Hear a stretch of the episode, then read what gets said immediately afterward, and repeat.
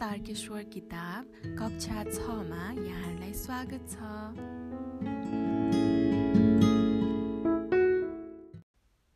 एकाइ दुई स्थानीय ठाउँ। पाठ एक गोलढुङ्गा। पाना नम्बर पन्ध्र। नामकरण। गोलढुङ्गाको नामकरण सम्बन्धमा विभिन्न मतमतान्तर रहेको छ। प्रारम्भमा यस ठाउँलाई मुडीखु मुडखु र डुक्रने पानी नामले चिनिन्थ्यो। विक्रम सम्बत दुई हजार एक्काइस सालको नापी पहिले मुडीखु मौजा भनेर किटान गरिएको भए पनि दुई हजार सत्र सालमा गाउँ पञ्चायतको नामाकरण गर्ने सन्दर्भमा स्थानीय बासिन्दाले गोलढुङ्गा प्रस्ताव राखेको र कालान्तरमा उक्त प्रस्ताव नै सर्वसम्मत भई यस ठाउँको नाम गोलढुङ्गा रहन गएको हो।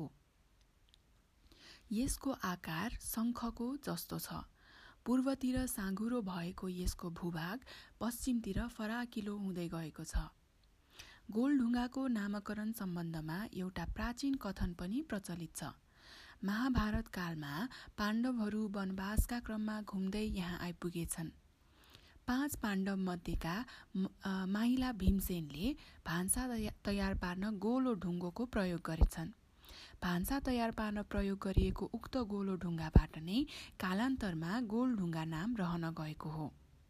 उक्त गोलो ढुङ्गाको नामबाट गोलढुङ्गा नाम रहन गएकाले गोलढुङ्गालाई पौराणिक चुलोका रूपमा लिन सकिन्छ। त्यस्तै यहाँको गणेशस्थान नजिक रहेको गोलो ढुङ्गा वा गोल जस्तै ढुङ्गाबाट यसको नाम गोलढुङ्गा रहन गएको भन्ने जनश्रुति पनि पाइन्छ। तारकेश्वर नगरपालिकाको गठन पश्चात तत्कालीन गोलढुङ्गा गाविसलाई वडा नम्बर चार र पाँचमा विभाजन गरियो। तत्कालीन गाविसका वडा नम्बर एक र दुई हाल तारकेश्वर नगरपालिका वडा नम्बर चार र तत्कालीन गाविसका वडा नम्बर तिन चार पाँच छ सात आठ र नौ हाल तारकेश्वर नगरपालिका वडा नम्बर पाँचमा रूपान्तरण भएका छन्। भौगोलिक अवस्था।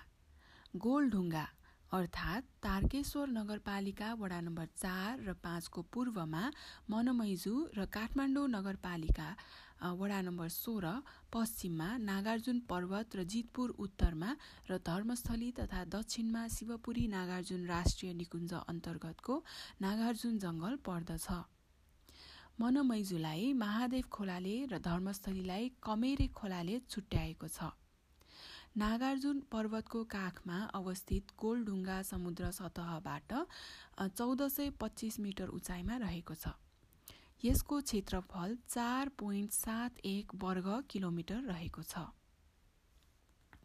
हावापानी नागार्जुन पहाडको काखमा अवस्थित गोलढुङ्गामा शीतोष्ण र समितिशो सम समशीतोष्ण फेरि दोहोऱ्याउँछु। नागार्जुन पहाडको काखमा अवस्थित गोलढुङ्गामा शीतोष्ण र समशीतोष्ण खालको मिश्रित हावापानी पाइन्छ। तारकेश्वर नगरपालिका वडा नम्बर चार दुर दगुर्ने पानी फुलबारी र वडा नम्बर पाँचको छबेली नाखण्डोल बैखुलाई नागार्जुन पर्वतले घाम छेकी शरद ऋतुमा ठण्डा प्रदान गर्ने भएकाले यी ठाउँ मङ्सिर पुस माघ र फागुनमा अलि बढी चिसो हुन्छन्। वसन्त ऋतुमा यस जङ्गलले शीतलता प्रदान गर्दछ। वसन्त ऋतुमा यस जङ्गलको प्राकृतिक सौन्दर्य रसास्वादन रसास्वादन गर्न थुप्रै स्वदेशी तथा विदेशी पर्यटक आउने गर्दछन्। गोलढुङ्गामा सरदर सत्ताइस डिग्रीदेखि तिस डिग्रीसम्म र हिउँदमा पाँच डिग्रीसम्म तापक्रम हुने गर्दछ। हिउँदमा नागार्जुन पर्वतको काखमा रहेको डुक्रने पानी फुलबारी खट्टे पाखा न्याकन्डोल बैखुमा बढी चिसो हुन्छ। गोलढुङ्गा क्षेत्रको मुडीखु ढोका बतासे डाँडा र गढीथुम्कोमा चैत वैशाखमा बढी हावा चल्दछ। त्यसबेला बिचारी थोक फुयाल थोक र धिताल थोकको तापक्रम अन्य टोलको भन्दा तुलनात्मक रूपमा बढी हुन्छ। वडा नम्बर चारका दुखेल फुलबारी र पुरानो गुहेश्वरी बढी चिसो र ओसिलो क्षेत्रमा पर्दछन्।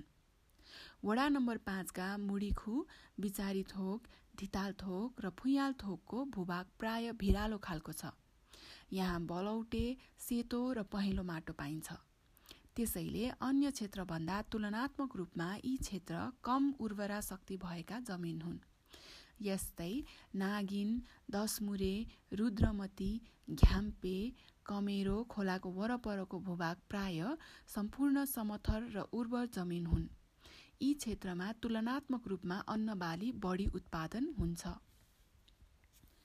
जनसाङ्खिक अवस्था। कुनै पनि निश्चित भूगोलमा बसोबास गर्ने मानिसहरूको समूहलाई जनसङ्ख्या भनिन्छ।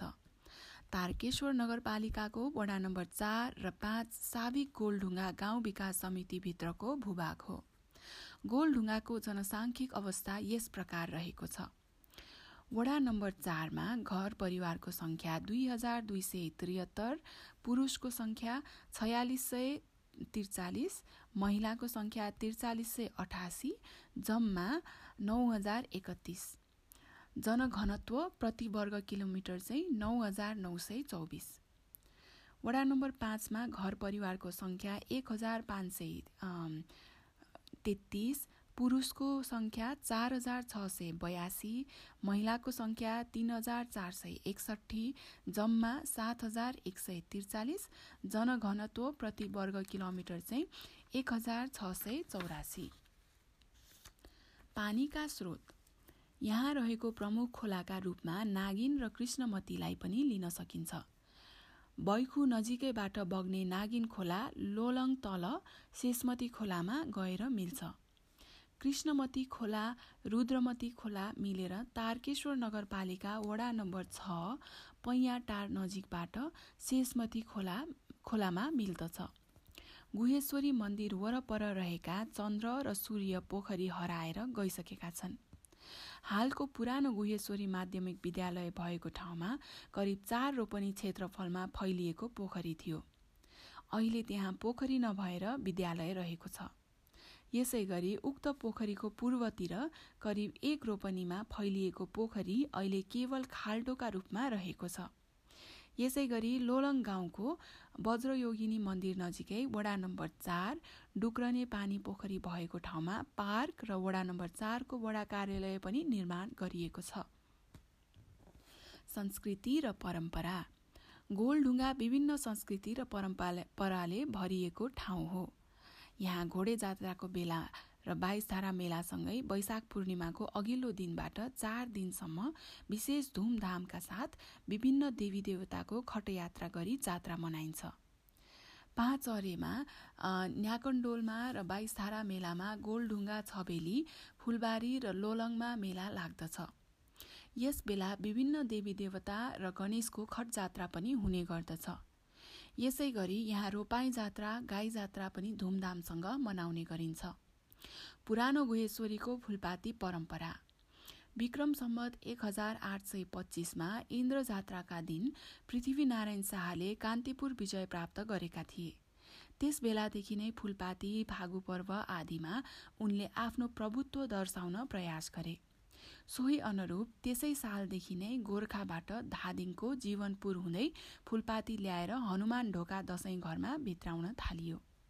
तर पृथ्वीनारायण शाहले कान्तिपुर विजय गर्नु पूर्व हनुमान ढोका दसैँ घरमा पुरानो गुहेश्वरीबाट पनि फुलपाती भित्राइन्थ्यो। त्यो परम्परा निरन्तर रूपमा अहिले पनि चल्दै आएको छ। जसलाई नागार्जुन फुलबारी गेटमा रहेको नेपाली सेनाको गणले प्रत्येक वर्ष फुलपातीका दिन विधिवत रूपमा भित्राउने गर्दछ। पुरानो गुहेश्वरीबाट विधिवत रूपमा पूजा अर्चना गरी पूजा अर्चना गरी बाजा बजाउँदै नागार्जुन दरबार नजिकैको गणमा पुर्याएर त्यहाँबाट उक्त फुलपाती कडेल चोक भगवती मन्दिरमा लगेर भित्राइन्छ। पुरानो गुहेश्वरीबाट क्षेत्रपाटी पुर्याई हनुमान ढोका कडेल भगवती पीठमा भित्राउने यो फुलपाती परम्परा मल्लकालीन भएको तथ्य इतिहासमा पाइन्छ। यो गोर्खाबाट धादिङको जीवनपुर हुँदै जमलमा सरकारी तामझामका साथ ल्याउने फुलपाती परम्पराभन्दा पुरानो हो। त्यसैले पुरानो गुहेश्वरीबाट ल्याएको फुलपाती पहिला नभित्र्याई जीवनपुरबाट ल्याइएको फुलपाती भित्र्याउने चलन छैन। यो फुलपाती परम्परा प्रचार प्रसारको अभावमा ओझेलमा परेको देखिन्छ। क्रियाकलाप एक तारकेश्वर नगरपालिका वडा नम्बर चार र पाँच साविक गोलढुङ्गामा भ्रमण गरी भएका मठ मन्दिर पोखरी पाटी पौवाहरूको वर्तमान अवस्थाको वर्णन गर्नुहोस्। दुई तारकेश्वर नगरपालिका वडा नम्बर चार र पाँचमा भएका विद्यालयको नाम लेखी विद्यार्थी सङ्ख्या सङ्ख्या पत्ता लगाई सूची बनाउनुहोस्। तीन प्रत्येक वर्ष दसैँको फुलपातीका दिन पुरानो गुहेश्वरी मन्दिरमा आयोजना हुने फुलपाती परम्परामा सहभागी भई टिप्पणी लेख्नुहोस्। अभ्यास एक खाली ठाउँ भर्नुहोस्। क साविक गोलढुङ्गा गाउँ विकास समितिमा तारकेश्वर नगरपालिका खाली ठाउँ वडाहरू पर्दछन्। ख संयुक्त रूपमा वडा नम्बर चार र पाँचको क्षेत्रफल खाली ठाउँ वर्ग किलोमिटर छ। ग कान्तिपुर विजय गर्नु पूर्व हनुमान ढोका दसैँ घरमा खाली ठाउँ फुलपाती ल्याई भित्राइन्छ। घ छवेली गोलढुङ्गा र फुलबारीको जात्रा खाली ठाउँको अघिल्लो दिनबाट सुरु हुन्छ। विक्रमसम्म दुई हजार अडसट्ठीको जनगणना अनुसार गोलढुङ्गाको जनसङ्ख्या खाली ठाउँ थियो। दुई गोलढुङ्गाको नामकरण रहनुको पौराणिक कथन लेख्नुहोस्। तीन गोलढुङ्गाको भौगोलिक अवस्था छोटकरीमा लेख्नुहोस्। चार गोलढुङ्गाको जमिनको अवस्था कस्तो छ? पाँच गोलढुङ्गामा भएका परम्परागत पोखरी र नदीको सूची बनाउनुहोस्। छ गोलढुङ्गा क्षेत्रमा लाग्ने जात्रामा प्रत्येक सह प्रत्यक्ष सहभागी भई त्यहाँ देखिएका क्रियाकलापहरूको वर्णन गर्नुहोस्। सात गोलढुङ्गाको फुलपाती परम्पराका बारेमा लेख्नुहोस्। आठ छोटो उत्तर दिनुहोस्। क साबिक गोलढुङ्गामा तारकेश्वर नगरपालिकाका कुन कुन वडा पर्दछन्? ख गोलढुङ्गाको पूर्व र पश्चिममा पर्ने ठाउँहरूको नाम लेख्नुहोस्। ग तारकेश्वर नगरपालिका वडा नम्बर चारको जनघन जनघनत्व कति छ? घ. गोलढुङ्गामा सबैभन्दा बढी हावा चल्ने ठाउँहरू कुन कुन हुन्?